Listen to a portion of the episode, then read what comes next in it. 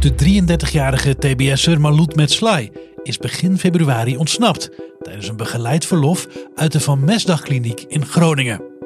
En tot op het moment van het opnemen van deze podcast is hij op de vlucht. Hoe werkt dat eigenlijk in een TBS-kliniek? Daar gaan we het over hebben. Je luistert naar Radio Ramkraak, de wekelijkse misdaadpodcast van Dagblad van het Noorden en Leeuwarden Courant. Iedere week praten de verslaggevers van deze kranten hierbij over misdaad in Noord-Nederland. Mijn naam is Jeroen Kelderman en vandaag is de gast Niek Heidanus, advocaat en hij heeft zelf ook cliënten in die van Mesdagkliniek.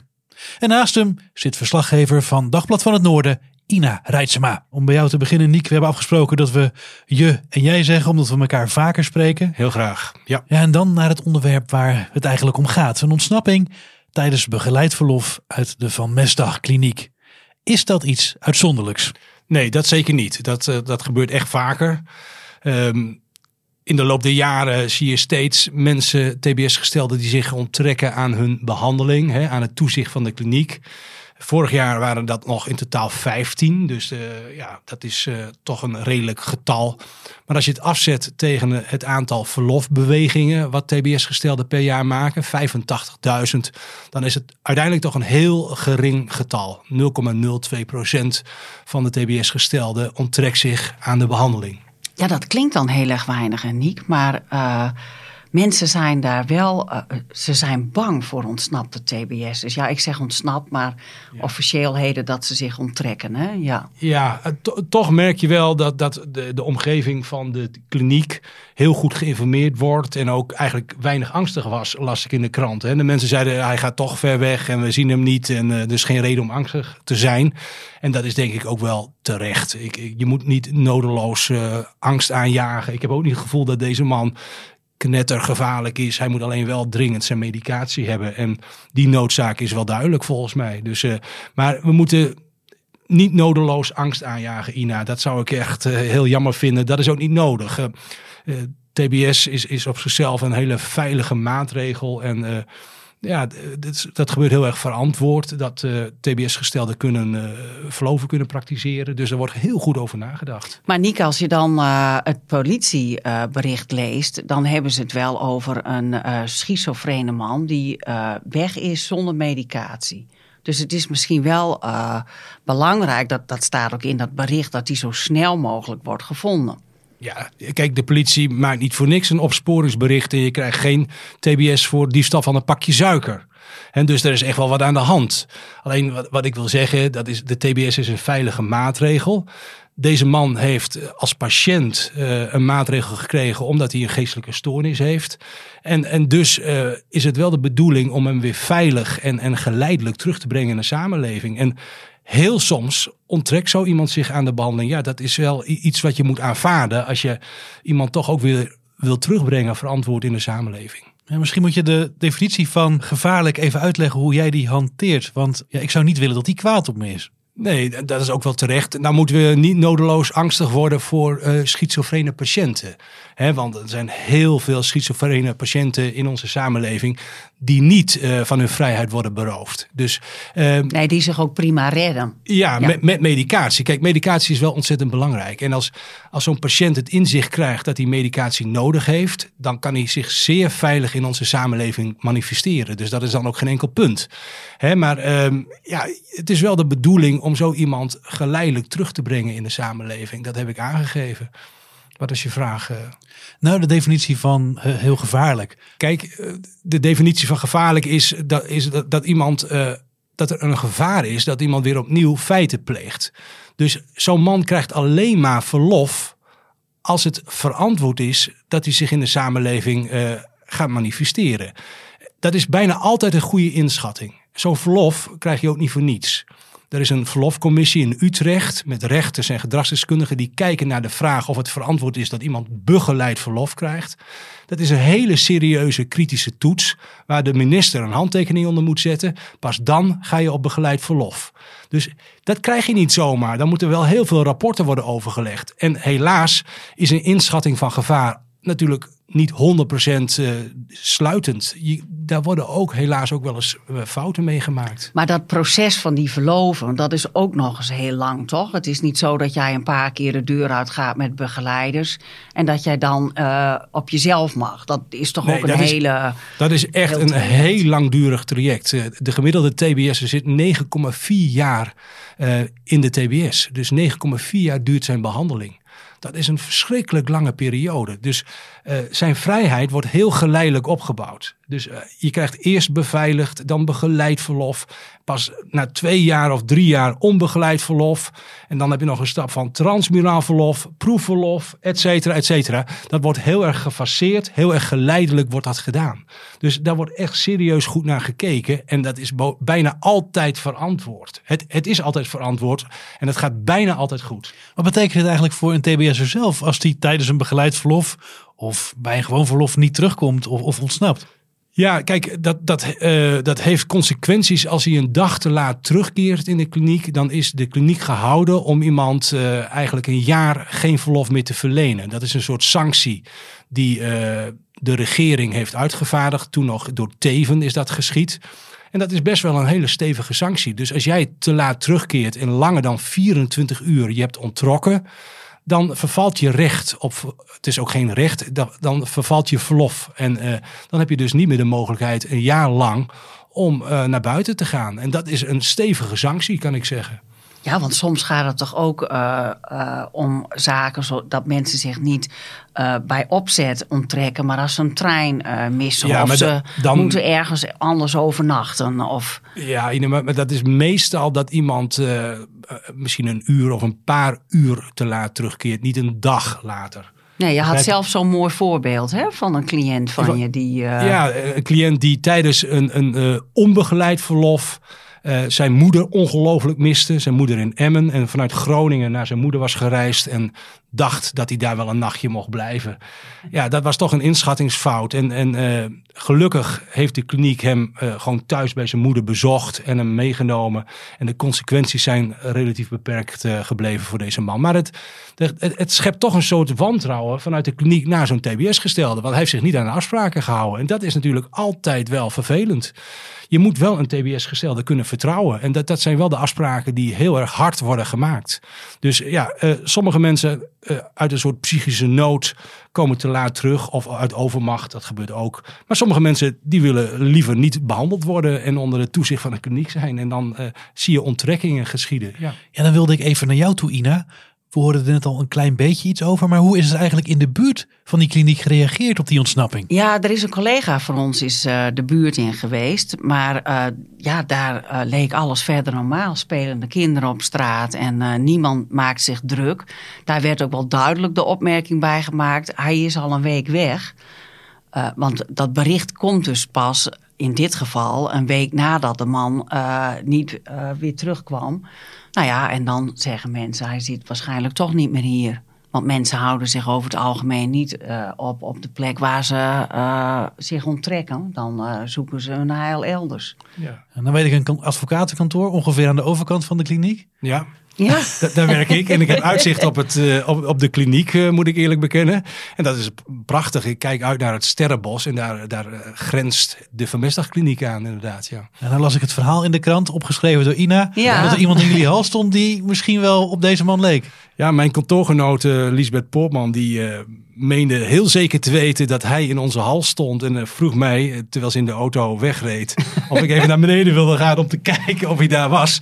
Ik heb het gedaan, maar eh, eh, ik heb hem niet aangetroffen daar. Dus en wat doe je dan? Bel je de politie? ja, dat, dat is een goede vraag. Ja, ik, ik denk dat het is niet mijn cliënt, hè, want anders heb ik een, een belangrijke geheimhouding. En dan zou ik daaraan niet. Ik zou hem wel overtuigen dan om weer terug te gaan.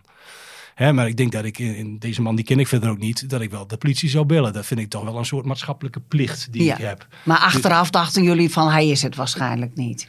Eh, eh, Ja, we- ik heb hem niet gezien, dus ik kan daar überhaupt niks over zeggen. Maar, maar eh, mijn kantoorgenoot eh, was ervan overtuigd dat, dat hij het was. En eh, die heeft wel een scherpe blik en ook een goed oog voor details. Dus nou ja, ik was wel even gealarmeerd, moet ik eerlijk bekennen. Dus, maar goed, we hebben hem niet gezien en wellicht dat hij ook het helemaal niet is geweest. Dus, Nee, maar je hebt de politie dus ook niet ingelicht. Nee. Nee, omdat zij. Ik heb natuurlijk daarna direct teruggebeld. En toen zei ze: Nou ja, dan zal ik me toch wel hebben vergist. Misschien had hij toch wat andere schoenen aan.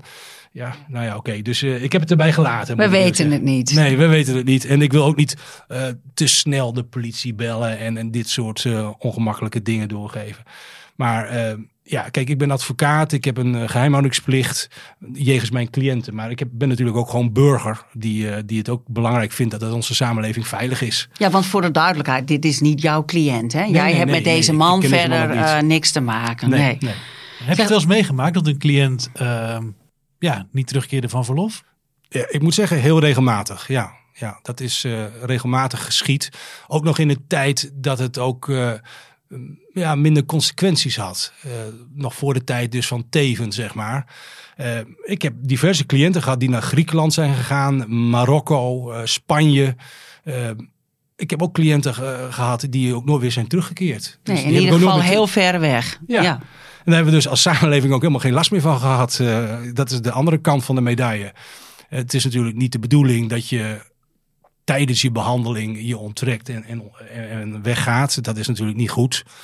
Maar goed, eh, ik stel wel vast dat de cliënten kennelijk in, het, eh, in hun eigen land of in een buitenland niet gevaarlijk zijn geweest. In ieder geval, daar heb ik nooit een melding van gehad. Nee. En ik heb regelmatig cliënten gehad die zich hebben ontrokken. Ja, die, die melden zich dan weer bij jou of hoe, hoe werkt dat? Eh, ook wel, ze bellen ook wel eens. En ik heb een cliënt gehad die, eh, die is zelf eh, aangehouden toen op het eiland Texel. Die, die had een aantal overvallen gepleegd. en eh, zich ontrokken een paar jaar geleden. Is daar ook eh, uiteindelijk voor die overvallen behoorlijk hard weer veroordeeld. Maar ja, dat is dan toch wel Hij vervelend. deed die overvallen nadat hij Was weg ontsnapt. was. Ja, Ja. ja. Nou, dat is heel vervelend. Dat is, eh, dat is wel verdrietig. Ja, dat is een man die ook heel dicht bij de eindstreep was, maar kennelijk toch te angstig was dat zijn TBS zou stoppen. Ik, ik kan het anders niet goed verklaren. Nee, want dat geeft toch aan dat hij nog helemaal niet klaar is voor de terugkeer ja, dat, dat in de geeft het inderdaad. Dat geeft ja. het inderdaad aan. Dat moet ik eerlijk toegeven. Ja. Ja. Ja. maar dat zijn de uitzonderingen. Dat zijn Maar- wel echt de uitzonderingen. En we hoeven ook geen angst te ontwikkelen voor, voor dit soort onttrekkingen. Dat is, dat is echt wel mijn boodschap. Ja, maar we kennen natuurlijk allemaal het verhaal van Anne Faber en de TBS'er die zich, of Ja, de ex-TBS'er die zich aan haar eh, vergreep. Dat was geen TBS'er. Nee, Ina. dat was het probleem ook Ja. juist. Hij had geen TBS opgelegd gekregen, Nee. terwijl dat eigenlijk wel had gemoeten. Precies, dat was, dat was eh, het punt. Dus, Maar ja, toch wordt hij weer in de container van de TBS gestopt. Terwijl dat eh, geen TBS-vraagstuk was. Dat was een man die verschrikkelijk eh, recidiveerde. En, en die Anna Faber dus in 2017 doodde. Nou, een, een afschuwelijk delict. Iedereen kent het ook. Alleen we doen net alsof daar een TBS'er is gerecidiveerd. Terwijl die überhaupt geen TBS had. Dus we maken de- die fout wel helaas. En, en dat, dat moeten we niet doen. Want daarmee wordt de TBS echt tekort gedaan. De TBS is doorgaans een hele veilige, goede maatregel waar we ook echt trots op kunnen zijn als samenleving dat we die hebben. En het helpt onze samenleving veiliger te maken. Ja, want hoe zit het eigenlijk met recidieven van mensen die terugkeren uit TBS in de maatschappij? Nou, dat zijn wel relatief gunstige cijfers. Eh, nog geen 20% eh recidiveert. Eh, dus, dus valt in herhaling met het plegen van feiten. Dat zijn niet allemaal zware delicten. Dat kan ook een winkeldiefstalletje zijn.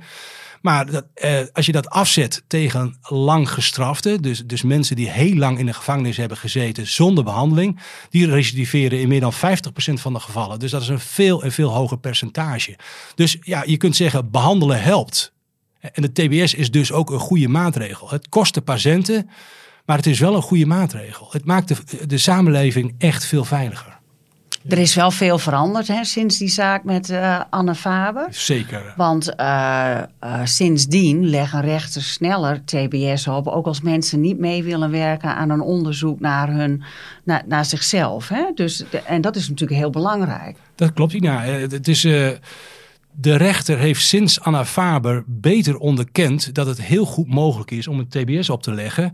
Terwijl iemand weigert mee te werken. Dat zeg je terecht. En, en ehm, op basis van oude psychiatrische rapportage kan ook eh, een TBS worden opgelegd. De rechter mag zelfs uh, een, een, een stoornis zelf vaststellen.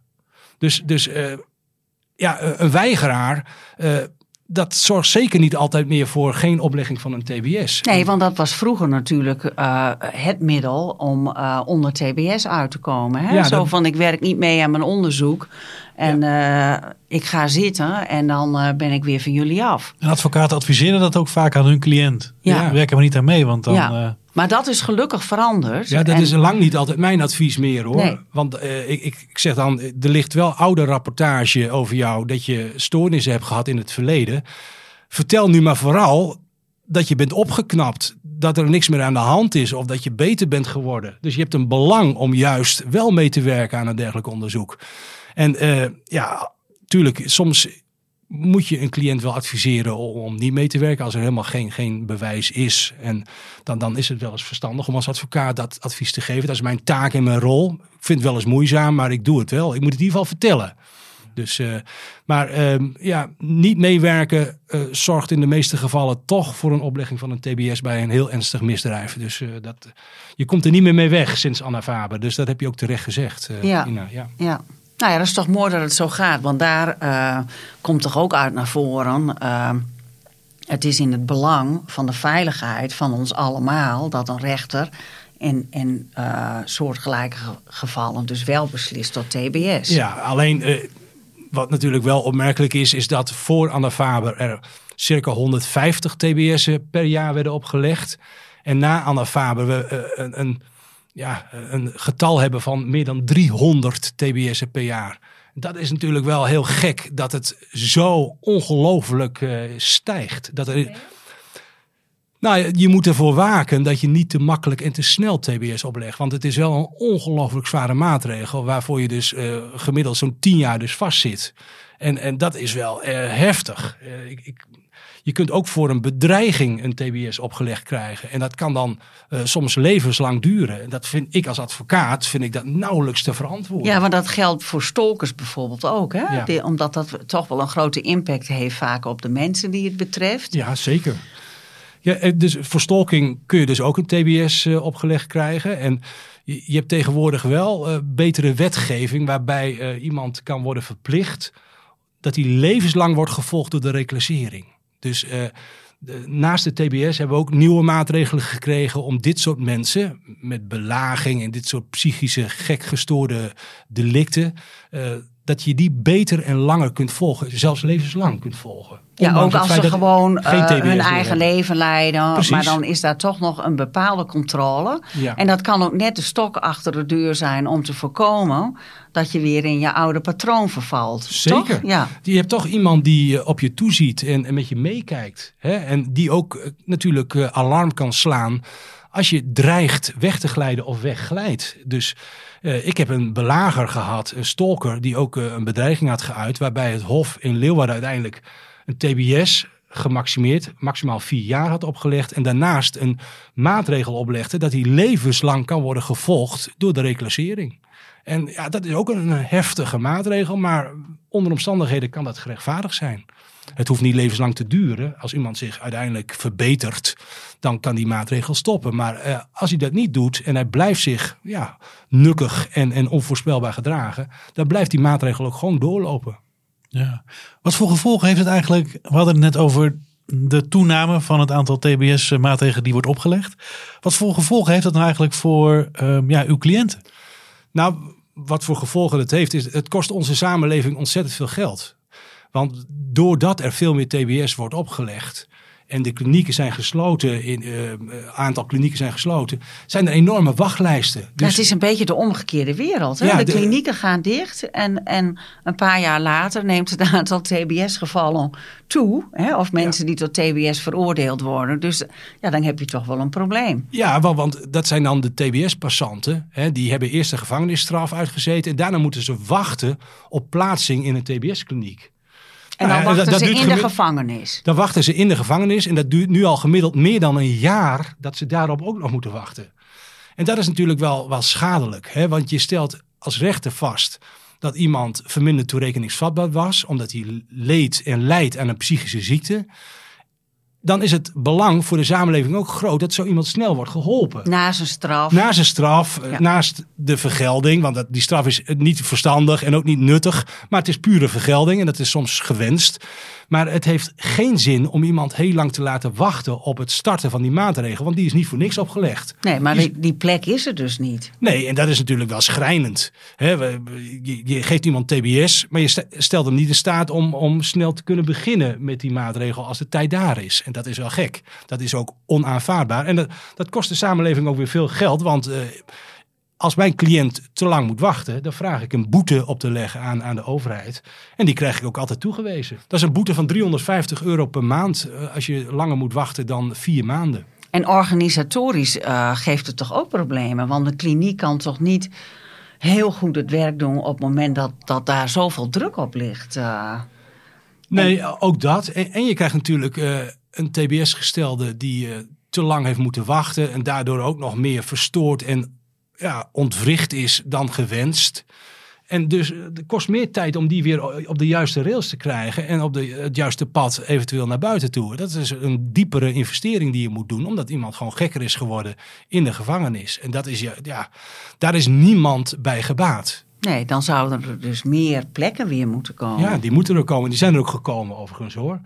In, in de TV-tijd zijn er drie klinieken, drie TBS-klinieken gesloten. Ja, inmiddels eh, is men weer aan het bouwen en aan het eh, verbreden. Eh, en eh, ja, is de capaciteit gelukkig wel weer wat toegenomen. Maar er wordt zoveel TBS opgelegd dat er toch ook een problematiek is ontstaan met wachtende TBS-gestelden. Ja, ja, onze overheid is soms ondoorgrondelijk en onverstandig. Advocaat Nick Heidanus, Ina Rijtsema, dank jullie wel. Je luisterde naar Radio Ramkraak, de wekelijkse misdaadpodcast van Dagblad van het Noorden en Leeuwarden Courant. Iedere week praten de misdaadverslaggevers van deze kranten hierbij over misdaad in Noord-Nederland. De muziek die je hoorde werd gecomponeerd door Guido Keizer. Mijn naam is Jeroen Kelderman en ik bedank je voor het luisteren.